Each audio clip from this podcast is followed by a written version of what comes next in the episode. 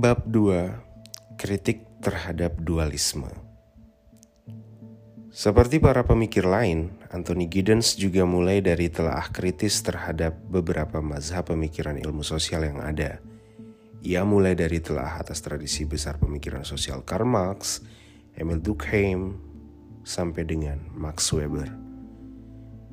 Dari situ, ia mengarahkan refleksinya pada berbagai pemikiran yang sudah menjadi mazhab dewasa ini, seperti fungsionalisme Talcott Parsons, interaksionisme simbolis Erving Goffman, Marxisme, strukturalisme Ferdinand de Saussure dan Claude Levi-Strauss, kemudian post-strukturalisme Michel Foucault, dan pemikiran-pemikiran Jacques Derrida dan sebagainya.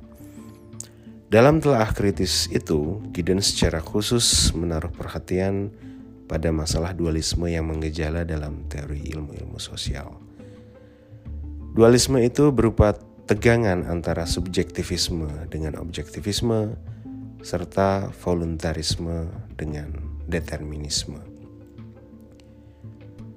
Subjektivisme dan voluntarisme merupakan tendensi tentang cara pandang yang memprioritaskan tindakan atau pengalaman individu di atas gejala keseluruhan. Adapun objektivisme dan determinisme merupakan kecenderungan cara pandang yang memprioritaskan gejala keseluruhan di atas tindakan dan pengalaman individu. Contoh dalam cara tutur sehari-hari, misalnya kita mengambil contoh tentang dualisme terungkap dalam ujaran. Sebetulnya yang menjadi masalah adalah mentalitas ataukah struktur. Ada beberapa jawaban yang dihadirkan di sini. Yang pertama, satu dari keduanya. Sehingga ya mentalitas ataukah struktur. Jika jawabannya semacam itu, kita akan terpelanting ke dalam dualisme jika kita lihat pada jawaban yang lain, kedua-duanya, maka timbul masalah bagaimana membangun kaitan yang memadai antara keduanya. Giddens mencoba mengajukan kaitan teoritis itu. Apa akar dualisme tersebut? Menurut Giddens, akarnya terletak pada kerancuan kita dalam melihat objek kajian ilmu sosial. Objek utama ilmu sosial bukanlah peran sosial atau social role seperti dalam fungsionalisme Parsons. Bukan juga kode tersembunyi hidden code seperti dalam strukturalisme Levi-Strauss. Bukan juga keunikan situasional seperti dalam interaksionisme simbolis Goffman. Bukan keseluruhan, bukan bagian, bukan struktur dan bukan juga pelaku perorangan, melainkan titik temu antara keduanya. Itulah praktik sosial yang berulang serta terpola dalam lintas waktu dan ruang. Praktik sosial itu bisa berupa korupsi, kolusi, dan nepotisme, keterlibatan militer dalam bisnis atau masalah perburuhan, praktik lalu lintas di jalan, kebiasaan memasak, atau demonstrasi menggulingkan rezim Orde Baru. Gagasan yang kedengaran sederhana ini perlu dipahami dalam konteks ketika Giddens mulai membangun teorinya, yaitu ketika ilmu-ilmu sosial yang dikuasai oleh fungsionalisme, marxisme, dan strukturalisme. Dalam refleksi Giddens, mazhab-mazhab itu merupakan imperialisme objek sosial atas subjek atau pemikiran yang memberi prioritas pada struktur dengan merelativir pelaku atau aktor. Ia melihat bahwa kaitan yang memadai antara keseluruhan dan bagian hanya bisa dimulai dari kekurangan yang ada, yaitu kurangnya teori tindakan dalam ilmu-ilmu sosial. Apa yang dimaksud bukan bahwa para teoretisi lain tidak mempunyai teori tentang tindakan. Erving Goffman misalnya menggagas pelaku dan tindakannya mirip pemain Sri Mulat yang bermain spontan tanpa naskah. Sebaliknya, Talcott Persons melihat pelaku dan tindakan seperti misalnya Menteri Penerangan Indonesia Harmoko yang bertindak menurut petunjuk Bapak. Yang pertama cenderung menafikan bingkai struktural, sedangkan yang kedua menisbikan kapasitas bebas pelaku. Untuk memahami refleksi kritis itu, ada baiknya kita mengambil satu atau dua contoh ringkas bagaimana Anthony Giddens melihat fungsionalisme dan strukturalisme. Atau kita bisa bingkai dalam post-strukturalisme. Yang pertama, kritik terhadap fungsionalisme. Pertama, fungsionalisme Talcott Parsons, satu mazhab pemikiran yang cukup laris di Indonesia. Parson mulai dari apa yang disebut masalah Hobbesian tentang tatanan, problem of order. Masalah Hobbesian menunjuk pada pandangan yang menyatakan bahwa kondisi asali kita berupa konflik tak berkesudahan antar individu. Kita mengenalnya dengan Homo homini lupus. Fakta bahwa sekarang ada tatanan masyarakat tentulah karena terjadi suatu lompatan. Proses lompatan itu menyangkut dua masalah yang lalu disebut sebagai masalah obesian. Pertama, bagaimana tatanan masyarakat dimungkinkan? Kedua, bagaimana proses perdamaian konflik berbagai kepentingan itu berlangsung? John Locke memulai gagasan kontrak sosial menjawab pertanyaan pertama, sedangkan Talcott Parsons melihat masalah Hobbesian sebagai goal, sebagai soal, sorry ya, sebagai soal perdamaian berbagai kepentingan. Kunci untuk memahami proses perdamaian itu adalah nilai atau value yang mengikat kebutuhan atau tindakan para individu dengan tatanan masyarakat. Dalam tindakan apa pun, kita sebagai anggota masyarakat merupakan pelaksana peran-peran sosial tertentu. Peran sosial inilah yang menjadi fokus utama kajian ilmu-ilmu sosial, entah peran itu disebut buruh, manajer, ataupun murid. Peran tidak diciptakan oleh individu, karena apa yang menjadi isi peran sosial adalah apa yang dituntut atau diharapkan oleh peran tersebut. Setiap masyarakat punya empat prasyarat fungsional yang mesti dipenuhi dan yang membentuk peran sosial yang ada. Keempat prasyarat fungsional itu adalah prasyarat tujuan atau goal yang disangga oleh lembaga politik, kemudian prasyarat adaptasi yang disangga oleh lembaga ekonomi, kemudian prasyarat integrasi yang disangga oleh lembaga hukum, dan yang terakhir adalah prasyarat perekat atau latensi yang disangga oleh institusi keluarga dan agama. Ketundukan kita pada apa yang dituntut oleh peran sosial dijaga lewat sanksi positif atau yang kita sebut sebagai hadiah atau reward dan sanksi negatif atau hukuman. Peran dan fungsi sosial sorry, peran dan sanksi sosial terlembagakan dalam berbagai sistem nilai masyarakat yang kemudian diadopsi oleh dan menjadi penggerak tindakan para anggotanya. Giddens punya keberatan besar terhadap fungsionalisme seperti itu sampai ia bilang, saya ingin menghapus istilah fungsi dari seluruh kamus ilmu-ilmu sosial. Ia pun memberanikan diri untuk menyatakan bahwa teori strukturasi yang saya kembangkan dapat dianggap sebagai suatu manifesto kontra fungsionalisme.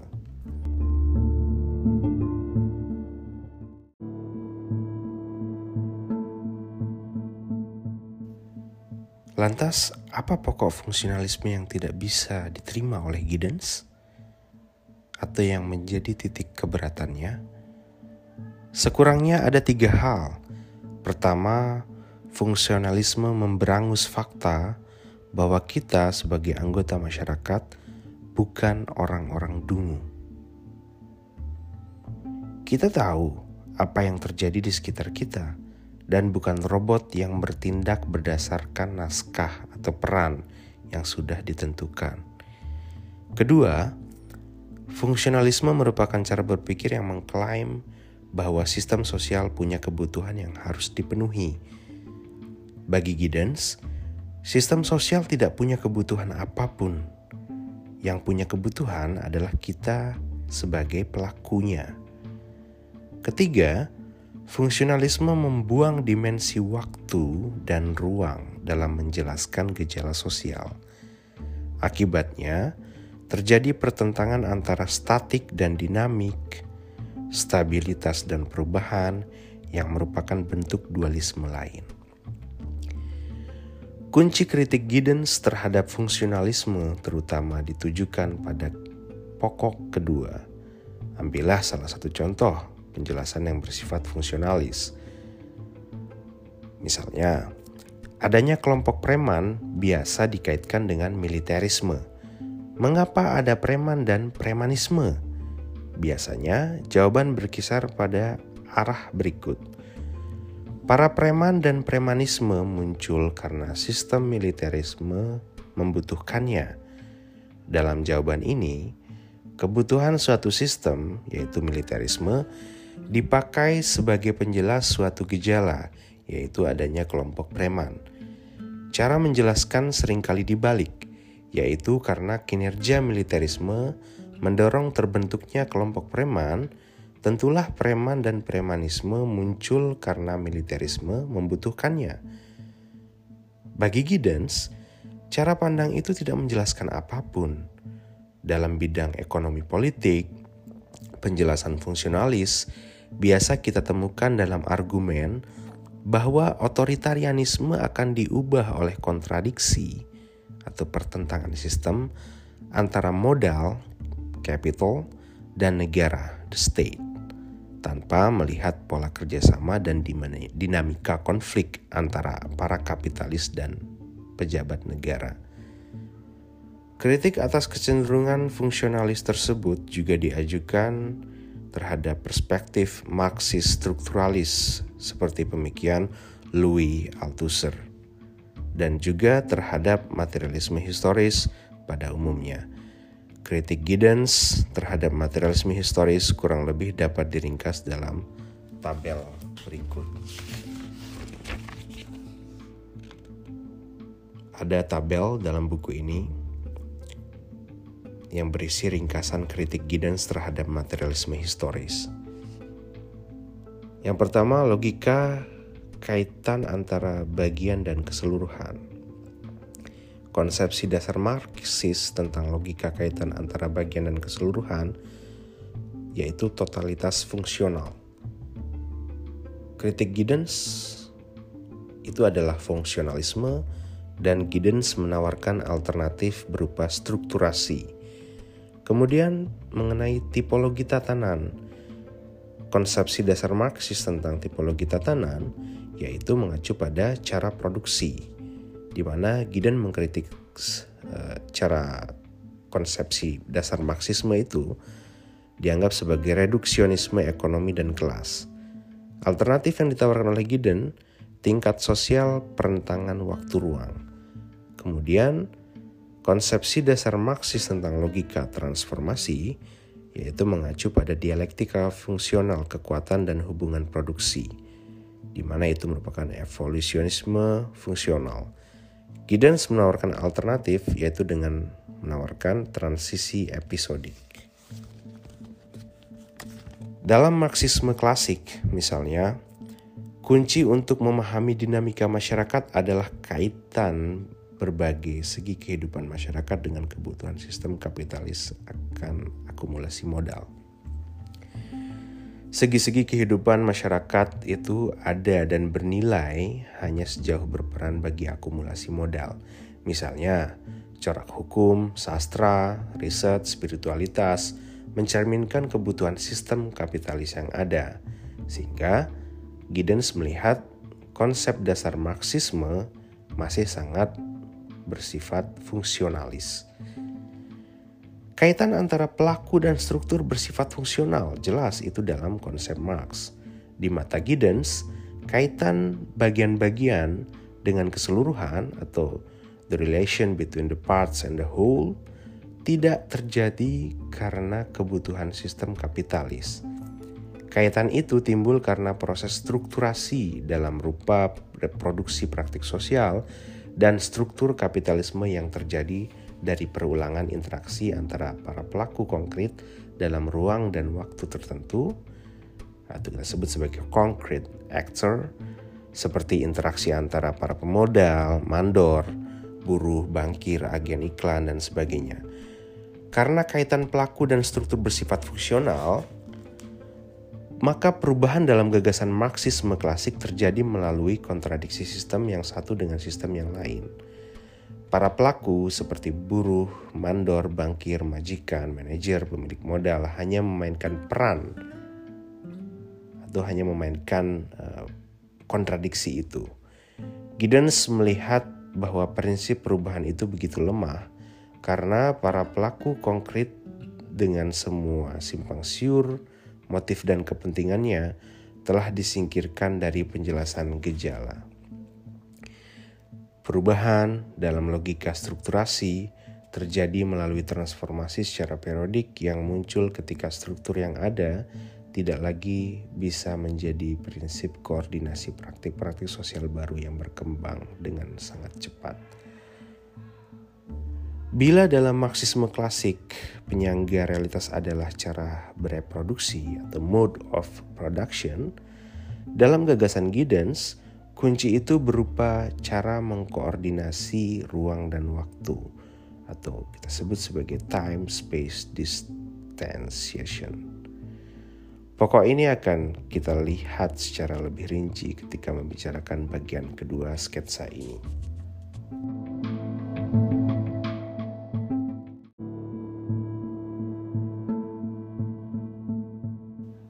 Yang kedua, Kritik terhadap strukturalisme dan post-strukturalisme. Strukturalisme berasal dari gagasan baru dalam filsafat bahasa yang dirintis oleh Ferdinand de Saussure.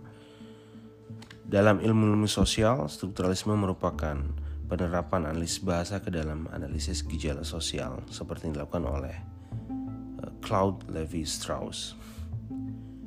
Pokok strukturalisme yang dikembangkan dalam ilmu-ilmu sosial adalah perbedaan antara bahasa dan ujaran atau parol. Semisal kata presiden adalah kata umum pada tatanan leng. Pada tatanan itu, kata presiden bisa menunjuk pada Bill Clinton di Amerika Serikat, Soekarno di Indonesia, ataupun Thabo Mbeki di Afrika Selatan. Adapun presiden yang memerintah Indonesia selama 32 tahun merupakan ujaran spesifik pada dataran parol yang tidak mungkin menunjuk selain pada Soeharto dari tahun 1966 sampai dengan 1998. Perbedaan antara lenggu dan parol merupakan perbedaan antara apa yang sosial dan apa yang individual antara apa yang hakiki dan apa yang kebetulan. Akan tetapi, mengapa Soeharto disebut presiden dan bukan pesinden? Nah, penyanyi putri dalam pertunjukan musik gamelan Jawa. Itu pertanyaan yang menarik. Fakta bahwa istilah dan cara tutur itu sudah menjadi kebiasaan umum atau konvensi dan sama sekali tidak menjelaskan apa pun. Dalam perspektif strukturalis, hal itu menunjukkan bahwa kaitan antara kata presiden dan seseorang yang menjadi kepala negara bersifat mana suka atau suka-suka atau arbitrary.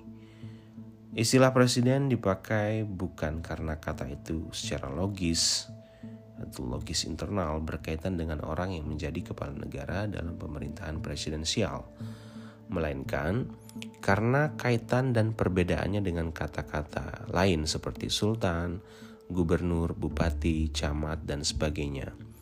Begitu pula, kata kursi tidak punya kaitan logis dengan benda yang kita duduki. Dia disebut kursi karena relasinya dengan kata lain seperti meja, lemari, rak buku, pintu, dan sebagainya. Dengan kata lain, pada tataran Lengu, logika internal petunjuk ya, Lengu itu, semua bisa dipahami secara lepas atau otonom dan tidak terikat dengan objek yang ditunjuk. Ketika diterapkan dalam ilmu-ilmu sosial seperti dilakukan oleh Claude Levi-Strauss, sekalipun hanya secara analogis, implikasinya cukup jauh. Apa yang utama dalam analisis sosial adalah menemukan kode tersembunyi yang ada di balik gejala kasat mata, sebagaimana lenggu menjadi kunci otonom untuk memahami arti parol. Kode tersembunyi itu yang disebut struktur.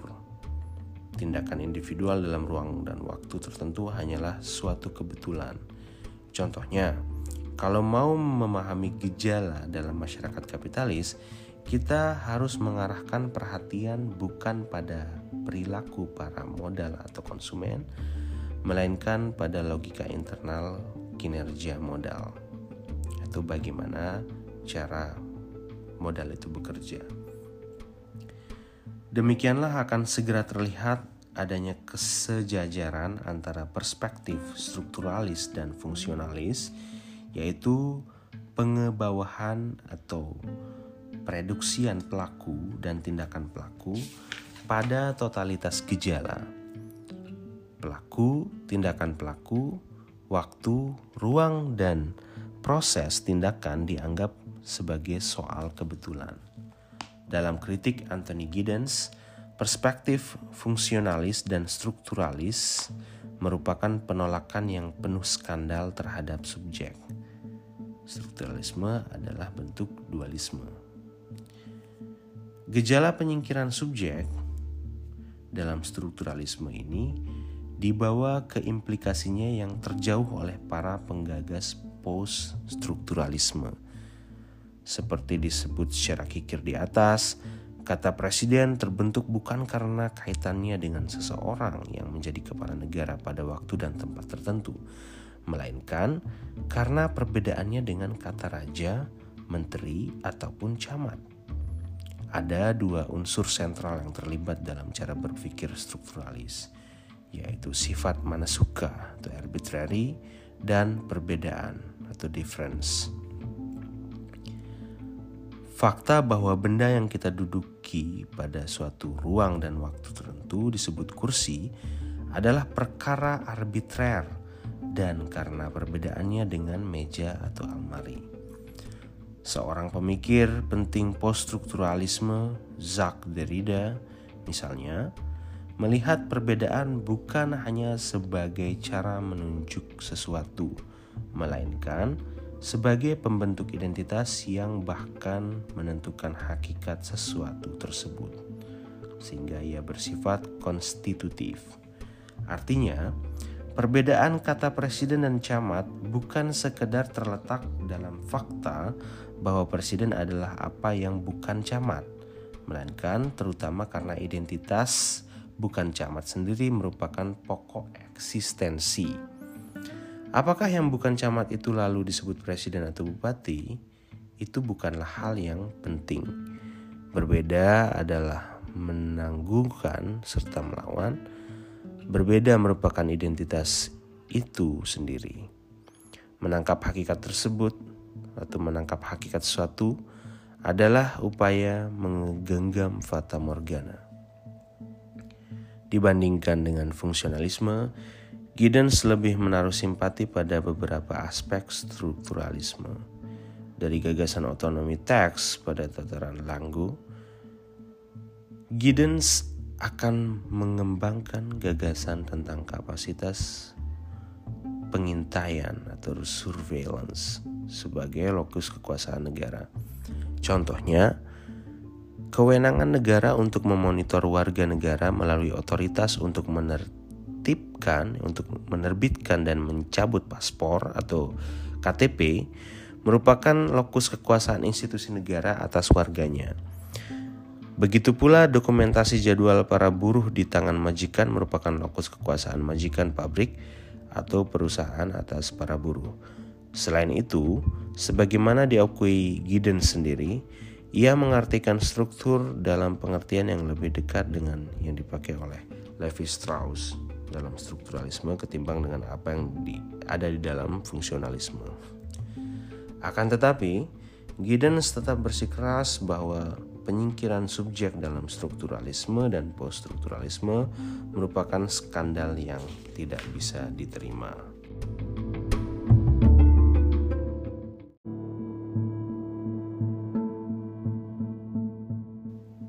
Ketiga, dualitas dalam strukturasi.